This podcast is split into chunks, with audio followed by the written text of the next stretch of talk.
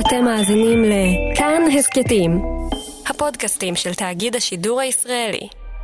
עכשיו, ספיישל של חצות. 88 כאן 88.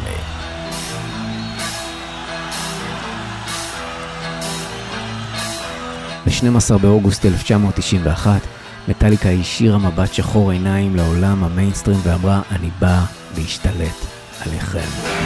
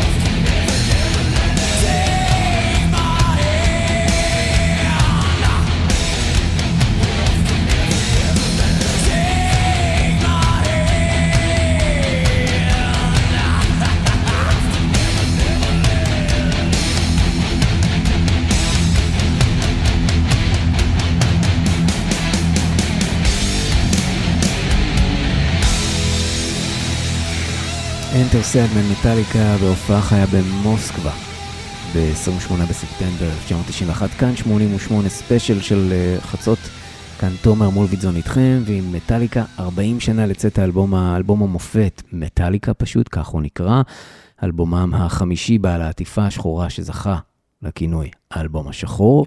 ומטאליקה התגברו, אה, התבגרו, צריך להגיד, מהעטיפות הדרמטיות של עולם המטאל, מהציורים והדם והמפלצות וכו', הם רצו משהו שונה ופשוט. בסוף שנת 1990 להקת מטאליקה הרגישה צורך בשינוי לא רק בעטיפת האלבום. הם היו בדרכים במשך אה, שנתיים כמעט אחרי יצירת האלבום And Justice for All.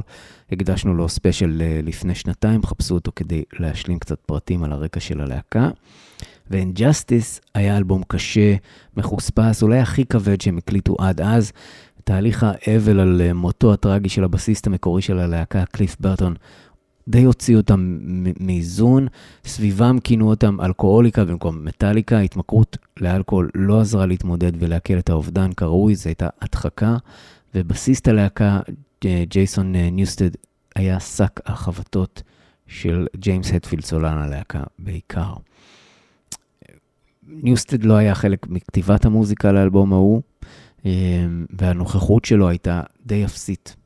סולן הלהקה ג'יימס אטפילד והמתופף לארס אול, אולריך, שהפיקו את האלבום, הנמיכו את הבאס כאילו התת מודע שלהם סירב להקל שיש ללהקה בסיסט, שהוא לא קליף. אולי באמת איזה תת מודע כזה שדחק בהפקה ובמיקסים את הבאס כמעט לכלום. מעין סירוב להקל שיש תחליף לשותף שלהם לאח לדרך.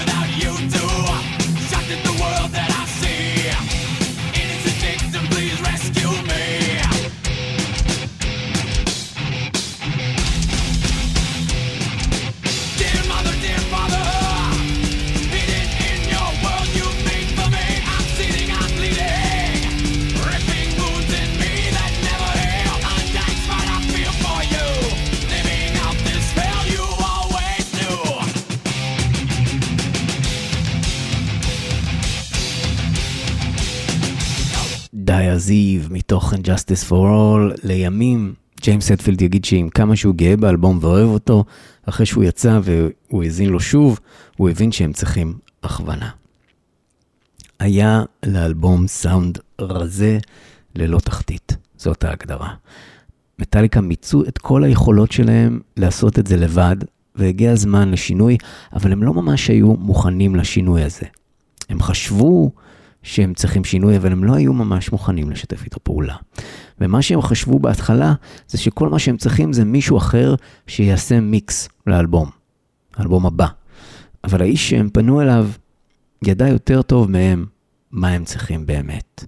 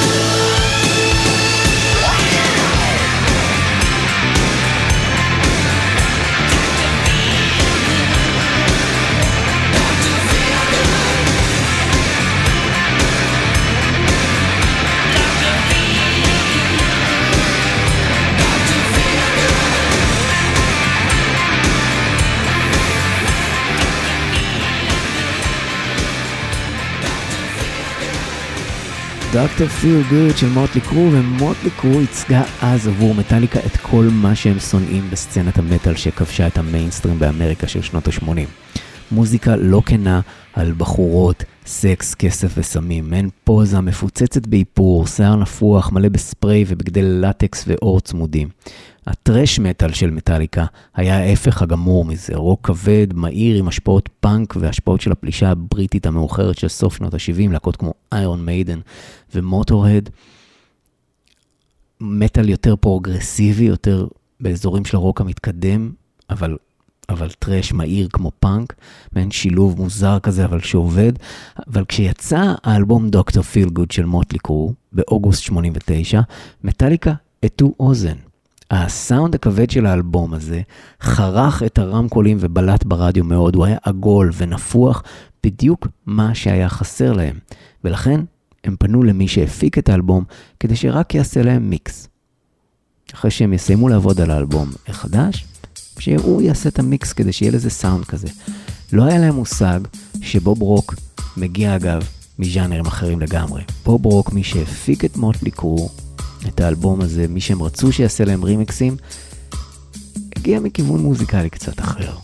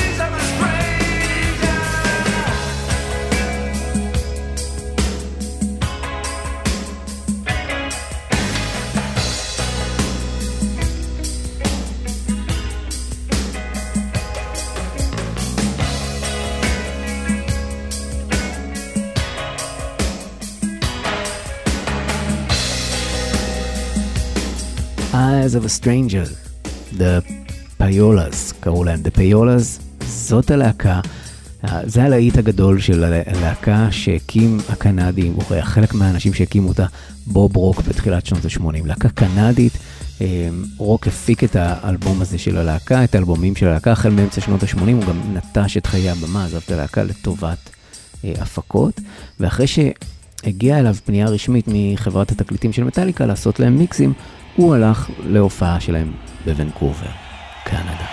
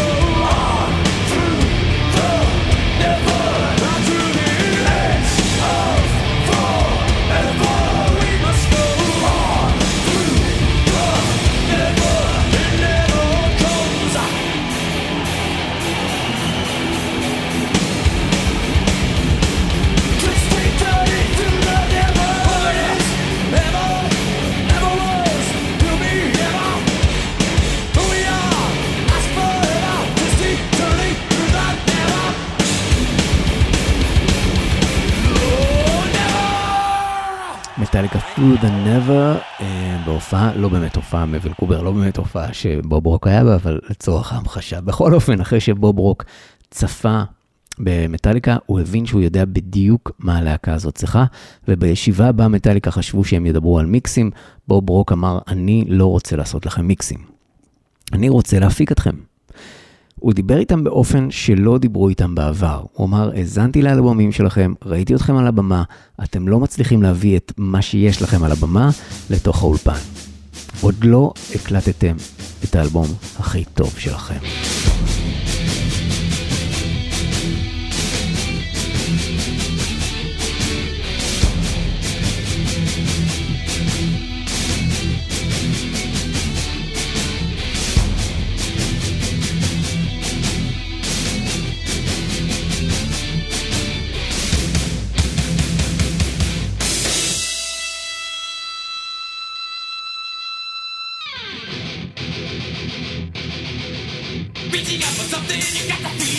Clutching to what you thought was real. Kicking at a dead hole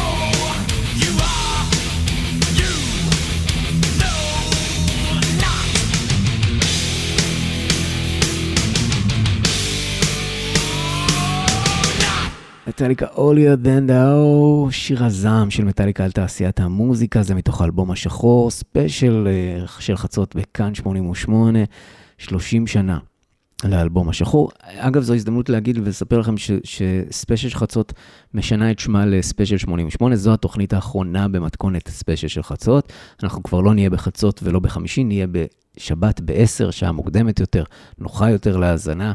אין לה קשר לחצות, הגיע הזמן להיפטר מהשם הזה, אנחנו משנים פשוט לספיישל 88, עדיין תוכלו להאזין לזה בכל יישומוני ההסכתים, עדיין תוכלו, תמצאו את זה באותו מקום, מקום באתר 88, רק שבת, 10 ושם חדש, אז נתחדש וגם יהיו אותות חדשים וזהו. טוב, חוזרים למטאליקה. למרות שמטאליקה היו צעירים ושחצניים, למרות ההלם מאיך שבוב רוק דיבר איתם, הם החליטו ללכת על ההצעה שלו. הם הרגישו לדבריו של לארס אולריך שהאלבום הכי טוב שלהם עדיין לא יצא, שהם עדיין לא... מה שהוא אמר להם הם הרגישו. ולמרות זאת, הם ממש, ממש, ממש לא עשו לבוב רוק חיים קלים. לדבריו, בשלושת החודש, החודשים הראשונים של העבודה, הם התעלמו מרוב ההערות שלו, והיו מאוד חש, חשדניים, אבל הוא לא ויתר. הוא המשיך להתעקש ודחק בהם, ועד לאלבום הזה מטאליקה הקליטו כל ערוץ בנפרד, ובוב רוק לעומת זאת דחק בהם להקליט הכל יחד, מה שאומר שהם כולם צריכים לנגן מושלם בו זמנית כדי שתצא הקלטה מוצלחת. עכשיו, מה זה מושלם בו זמנית? זה לא באמת, צריך להסביר את זה רגע. כל ערוץ הוקלט בנפרד. אבל כל ביצוע היה חייב להיות חי. כלומר, אם הבאס והשירה והגיטרות היו אה, מוכנים כבר, הקלטות אה, היו מוכנות כבר, אבל התופים לא, אז כל הלהקה הייתה צריכה לנגן עם המתופף לארס אולריך את אותו השיר מההתחלה עד הסוף, עד שגם לא יצא טייק מוצלח.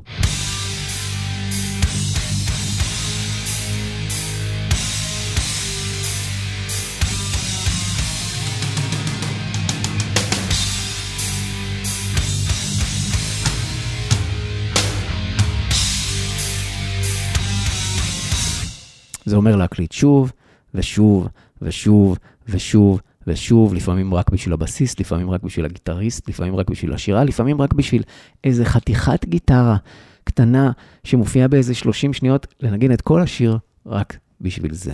עד שהגרון צורב, עד שהאוזניים מצלצלות והידיים כואבות.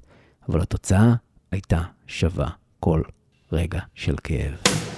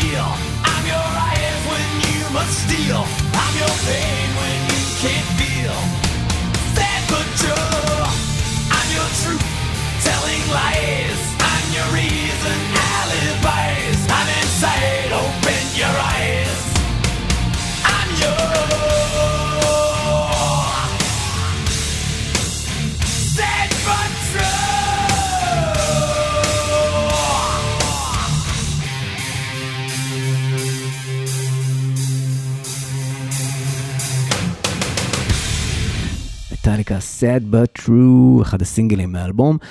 אגב, בשיר הזה הגיטרות מכוונות ל-D במקום הכיוון הסטנדרטי של מיתרי הגיטרה. אה, לא ניכנס לזה יותר מדי, אבל בדרך כלל מכוונים גיטרה ל-E. זו הייתה הפעם הראשונה שמטאליקה התנסו בזה, לא הפעם האחרונה, אבל בוב רוק פתח להם גם את האופציה הזאת שהם לא חשבו עליה. לא יודע אגב אם שמתם לב לזה, אבל בוב רוק שם לב לזה שהשיר הזה, Sad But True, קצת דומה לשיר הזה.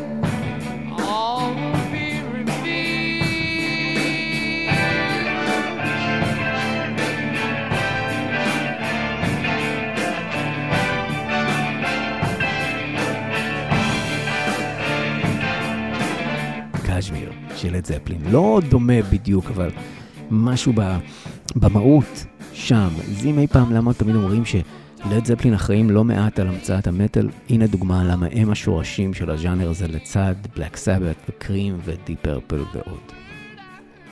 בכל אופן, השיר הזה, Sad But True, היה אחד הסינגלים מהאלבום, וכפי שישר ניתן לשים לב, בוב רוק ניפח את הצליל של מטאליקה, הוא דחף את הבאס קדימה, וסוף סוף ניתן היה לשמוע את התרומה של הבסיסט החדש, ג'ייסון ניוסטד, שניסה והצליח להכניס לא מעט גרוב לתוך המטאל של מטאליקה. במיוחד אחרי שבוב רוק אמר לו, תפסיק לנגן כמו גיטריסט, ותתחיל לנגן כמו בסיסט.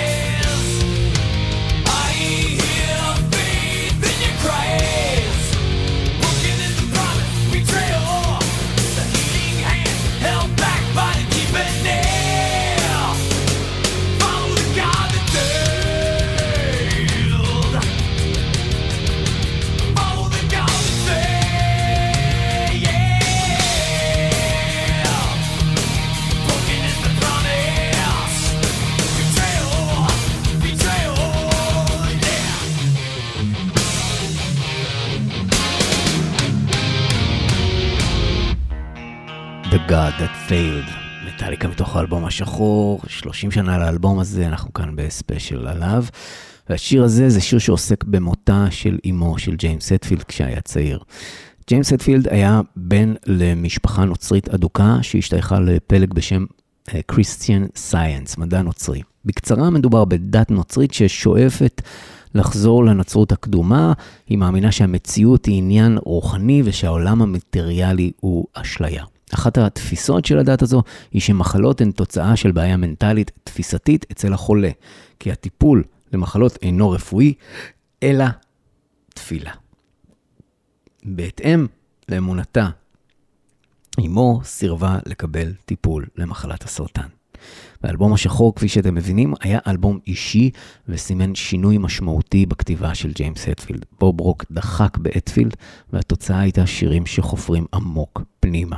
השינוי הזה החל עוד לפני בוב רוק, באלבום הקודם, אבל כאן הוא עלה שלב. אטפילד הבין שקל יותר לכתוב על מה שקורה בחוץ, אבל העבודה, החפירה פנימה משתלמת, כי אתה עומד מאחורי זה לזמן רב יותר. אתה בא בהופעה, עומד מאחורי המילים שאתה שר, ואנשים קל יותר להתחבר כשאתה אה, כן, כשאתה אמיתי, פתוח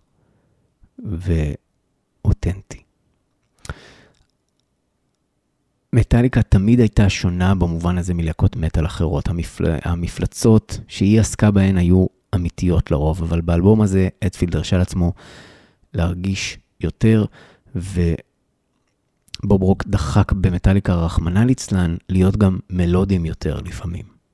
הוא הוסיף חטא על פשע כשגרם להם לשלב כלים שהם לא העזו לשלב קודם לכן, כמעט לא נשמעו במוזיקת מטאל לפני האלבום השחור. כל זה מגיע לידי ביטוי ובולט במיוחד באחד השירים הכי אישיים של האלבום ואחד השירים הכי מצליחים באלבום, שיר שחופר עמוק יותר בילדותו. אביו של ג'יימס הטפילד עזב את הבית ללא התראה, וה... אה, ואטפילד היה אז בן 13. אה, אביו השאיר מכתב שמסביר רק שהוא עזב, אבל לא, ולא יחזור. לא הסביר למה, לא כלום. אמו נאלצה לפרנס אותו ואת אחותו לבד, והחזיקה מעמד עד ששלוש שנים לאחר מכן, כאמור, היא חלתה במחלת הסרטן. בגלל הדת של הוריו, לאטפילד על אטפילד גם נאסר להשתתף בשיעורי מדע בבית הספר, מה שהפך אותו לנער מוזר וחריג, שצריך להסביר למורים או לילדים אחרים, למה הוא לא משתתף בשיעורים האלה. וגם אביו, כש, כשכן הייתה אינטראקציה איתו, אמ, והוא כן גידל את ילדיו, אז הוא היה מקריא את התנ"ך בתשוקה ובוכה, וזה היה מאוד מאוד מבלבל, ואטפילד המבולבל אה, התמכר כבר בשנות התיכון לאלכוהול ושקל התאבדות. ואם מנתחים את השיר ביחס לחייו של אטפילד, אז נראה שבכל בית בשיר הוא נוגע בנקודות האלה. הבית הראשון הוא סביב הילדות המוקדמת, שם מלמדים אותו את הדת הזו. בבית השני, המאבקים שלו בדת של הוריו אל מול ההתפכחות שלו. ובבית השלישי ישנה כמעט אפתיות לחיים ומחשבות התאבדות.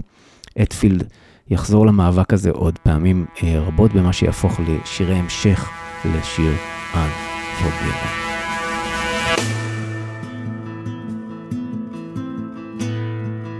אגב, שימו לב שהפתיחה היא היפוך של The Exorcist of Gold, נעימת הסרט ב-Good, The Bad and the Ugly, הטוב והמכוער, המערבון המפורסם. וגם מטאליקה עד לבלדה הזו הייתה עושה אה, אה, פזמונים, אה, בתים שקטים בשירים השקטים שלה ופזמונים רועשים. פה הם פשוט הפכו את זה. הבתים אה, הם אה, מטאליים וחזקים, הפזמונים הם מלודיים. נוגעים יותר, ושימו לב לסולו בשיר, זו אחת הפסגות של הגיטריסט קרק המט.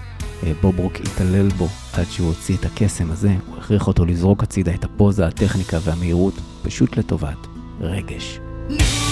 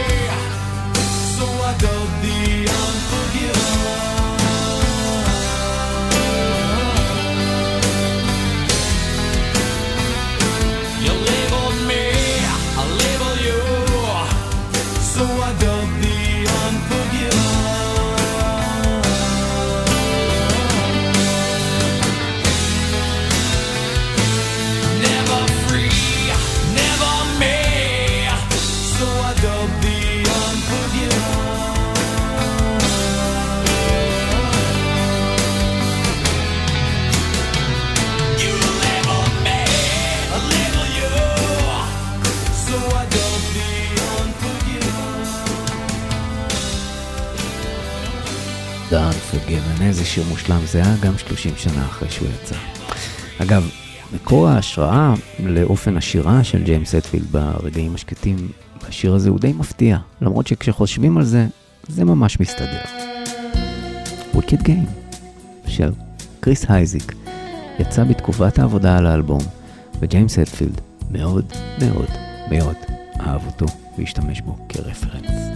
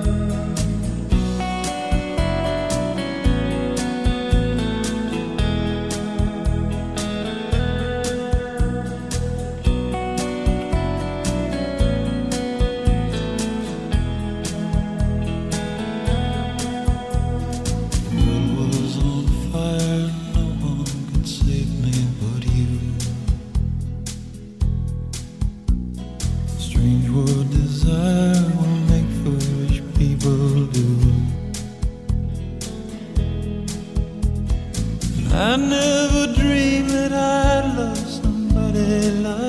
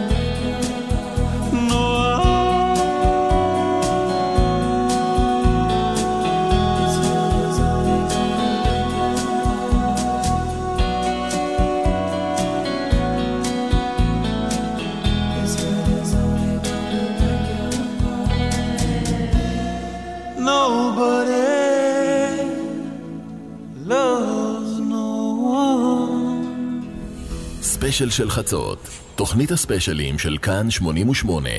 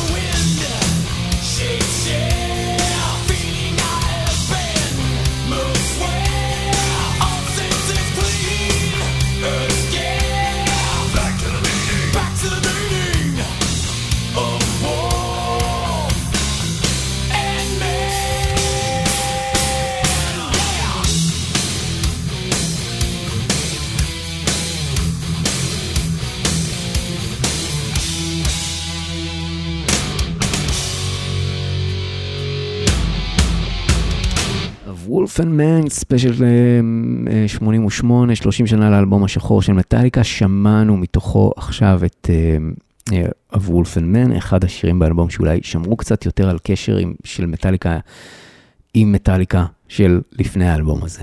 הקצב והחדות של הטרש מטאל אה, נוכחים בשיר הזה, למרות שהם גם פה כבר הורידו הילוך, הלכו לאזורים עבים יותר.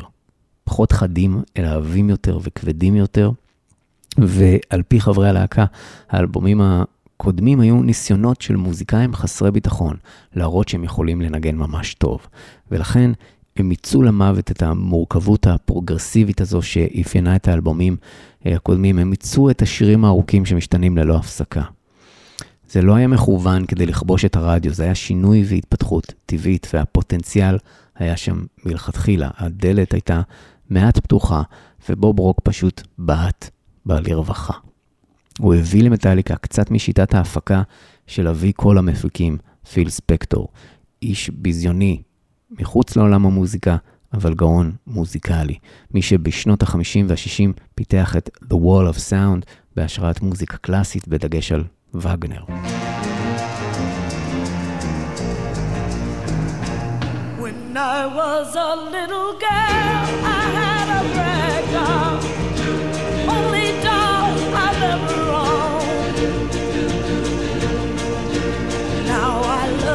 just the way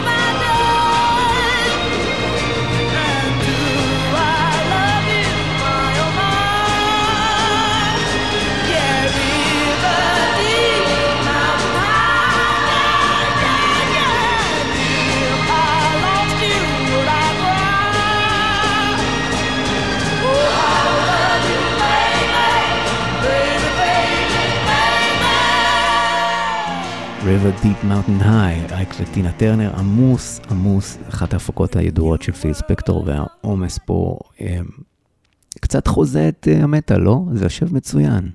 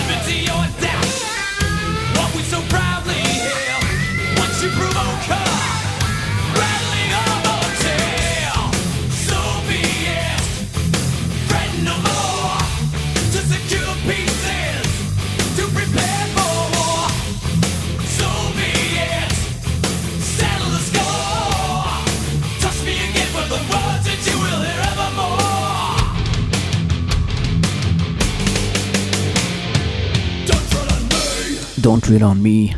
לא יודע אם שמתם לב, אבל הפתיחה של השיר הזה היא קריצה לשיר אמריקה. מהמחזמר סיפורי הפרברים, סיפור הפרברים.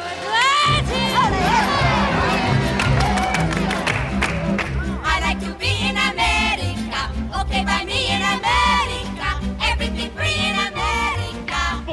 be in America.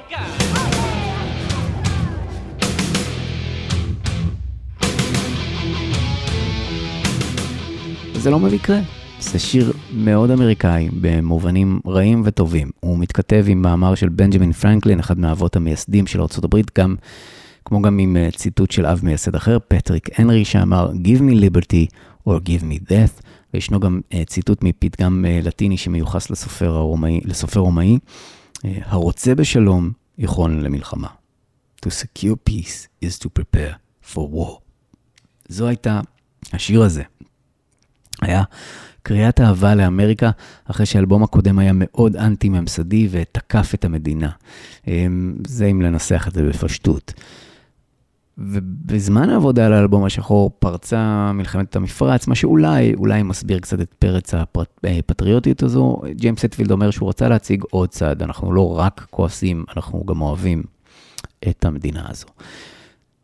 ספיישל אה, של חצות כאן 88, שעתיים אודות אה, האלבום השחור. אני כל הזמן נתקע לפני שאני אומר ספיישל, כי אני יודע שעוד שנייה, כאמור, כפי שאמרתי, נשנה את השם של התוכנית, זו התוכנית האחרונה שנקראת ככה, אז אני כל הזמן כבר בא להגיד ספיישל 88 במקום ספיישל של חצות. טוב, אחד השינויים הגדולים באלבום הזה היה שגם שאר חברי הלהקה קיבלו יותר במה. לרוב בתהליך עבודה של מטאליקה, אה, ג'יימס הטפילד ולארס אולריך היו אחראים עיקריים ליצירה. באלבום הזה המצב השתנה. השיר הראשון שנוצר לאלבום מתחיל מריף גיטרה של הגיטריסט קרק האמט, והוא האזין הרבה לפני כתיבת השיר הזה לאלבום Louder Than Love, האלבום השני של סאונד גרדן, שהיו אז עוד להקה די אלמונית.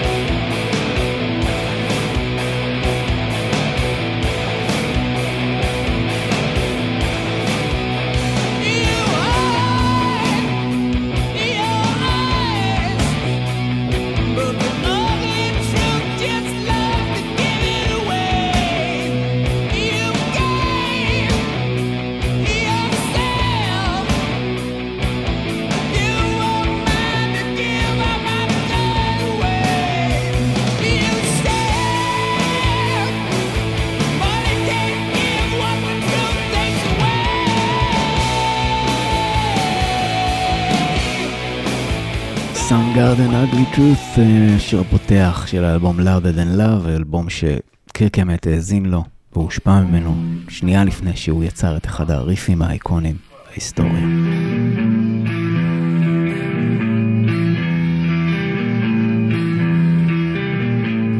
אבל זה לא היה אפוי לגמרי. זה היה לארס אולריך המתופף שהציע להעריך את הריף ולהוסיף לו תיבות, למרות שזה היה השיר הראשון שנכתב, הוא היה למעשה האחרון שנכתבו לו מילים.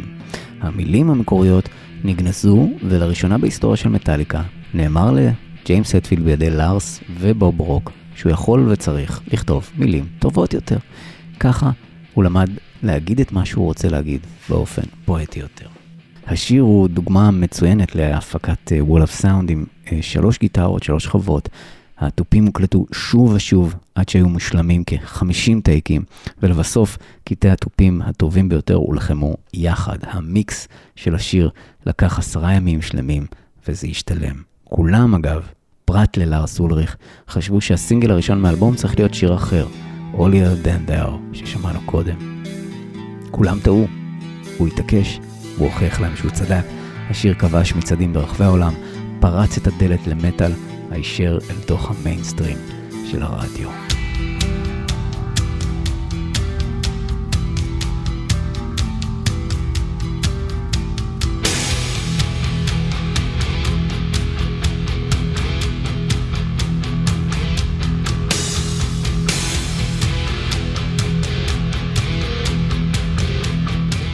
כמה גרוב יש בשיר הזה, אה? זה לא רק הבאס שהשתנה כאן באלבום, זו גם הגישה של לארס אולריך המתופף, שיחד עם בוב רוק הבין שהוא צריך להפסיק להדגיש את ריף הגיטרה עם התופים שלו, ולהתחיל להתוות קצב. Do your job, man.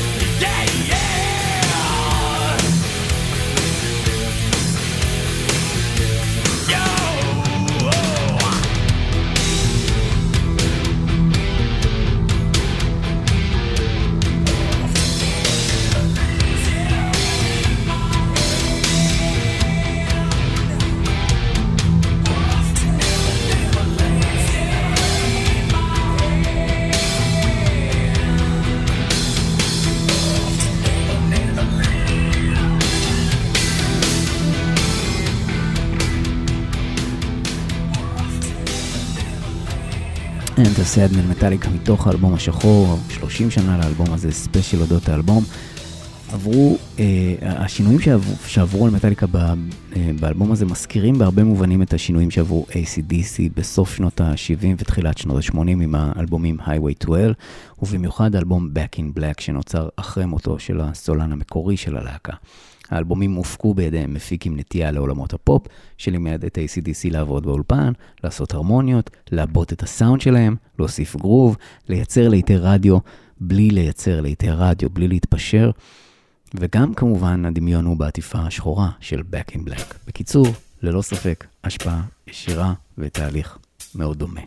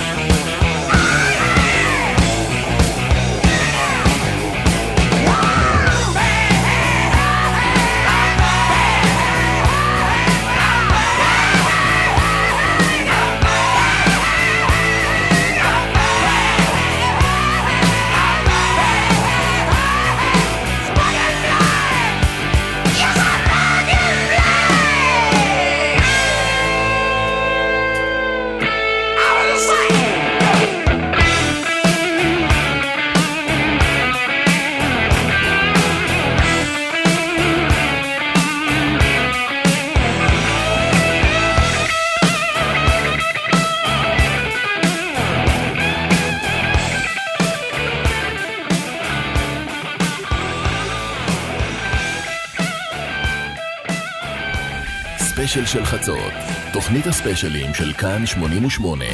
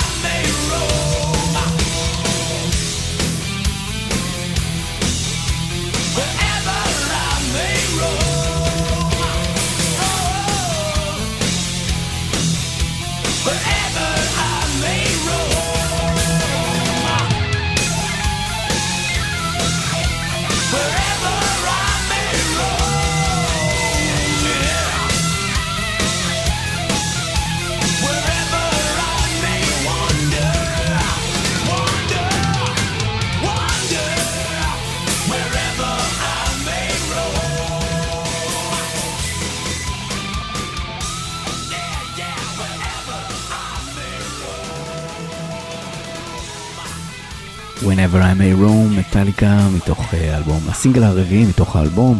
הסינגל השני אגב היה Unforgiven, אה, שכמובן כבש את המצעדים והיה להיט crossover שמושמע לא רק בתחנות מטאל ורוק, אה, צעד לא רק במצעדי מטאל. ועל הסינגל השלישי תכף נדבר, אבל בואו נתעכב רגע על Where, Wherever I May Roam, ששילב במטאל גונג וסאונד של סיטאר ובאס עם 12 מיתרים. דברים שמטאליקה לא עשו בדרך כלל. דברים שבמטאל לא עשו בדרך כלל. והשיר הזה מאז שהוא יצא הפך להמנון של לוחמי הדרכים, כן, השחיקה שבהופעות בלתי פוסקות, המרחק מהמשפחה והבית, חיי המוזיקאי הנודד, שהדרך היא ביתו. הדרך וחיי המוזיקה, לדוגמה, הביאו לקיצם של הניסויים של חיי חברי הלהקה אה, קירקמט וג'ייסון ניוסטד ולארס אולריך.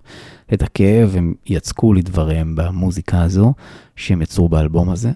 וג'יימס הטפילד שכתב את הסינגל הבא, היה אז במערכת יחסים שהובילה לכתיבת הלהיט הכי גדול של מטאליקה.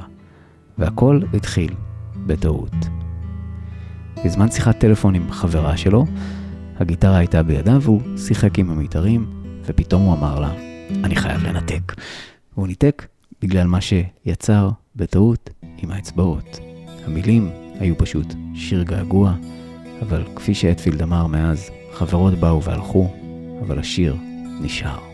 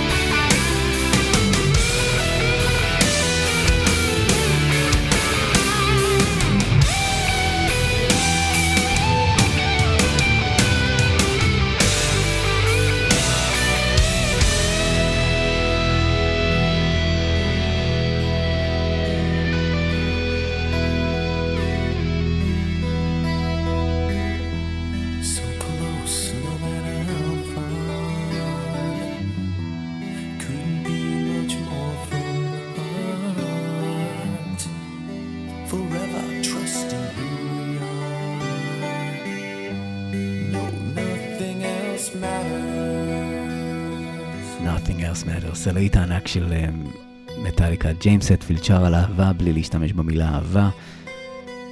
וזה כמובן אחד מקטעי הגיטרה הגדולים בהיסטוריה, אחד הסולואים הידועים, אחת ההופעות הווקאליות המרשימות של הטפילד, שבזמן ההקלטה של האלבום הזה איבד את הקול שלו כמעט לחלוטין, ולראשונה בחייו הלך ללמוד אצל זמר מקצועי טכניקות שירה, ולראשונה בשיר של מטאליקה הוא עושה הרמוניות לעצמו.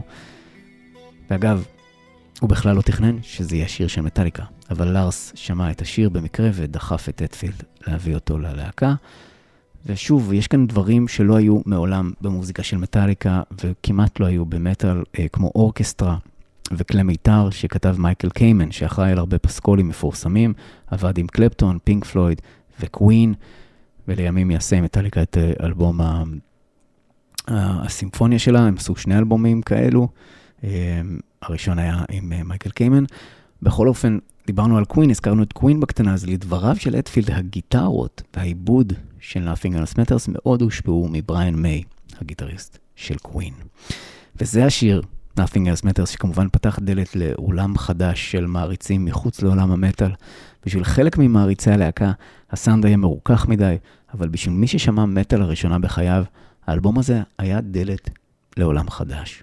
ו-Nothing Else Matters יחד עם שאר הסינגלים הפך את האלבום לאחד האלבומים החשובים והמצליחים ביותר במטאל בפרט ובמוזיקה בכלל, ותשומת הלב הדקדקנית לפרטים הובילה לעבודה מתישה של תשעה חודשים עם מעט שעות שינה והרבה מתחים, ויכוחים וריבים, ושבועה לא ממומשת, לא לעבוד יותר יחד שוב לעולם, אבל כל זה השתלם. עלויות ההקלטה הגיעו ליותר ממיליון דולר, אבל ההוצאה החזירה את עצמה במהירות, האוניברסליות של המילים, למרות שהיו אישיות ופרטיות, נגעו בכולם במיוחד בגלל שהן היו אישיות ופרטיות. כאן 88, ספיישל של חצות, פעם אחרונה ספיישל של חצות, החל משבוע הבא, כאמור. אנחנו בשבת, ב-10, לא בחצות ולא בחמישי, ולכן נקרא ספיישל 88, ואנחנו מסיימים שעתיים אודות האלבום השחור של מטאליקה, שלמעשה נקרא פשוט מטאליקה. כאן תומר מולביטזון איתכם, ועם מטאליקה שבשנים בהן המטאל ששלט ב-MTV נדחק לשוליים בידי גראנג' ו Brit pop, הייתה אחת הלהקות החשובות והגדולות בעולם, והפכה לצד Black Sabbath ללהקת המטאל החשובה בהיסטוריה.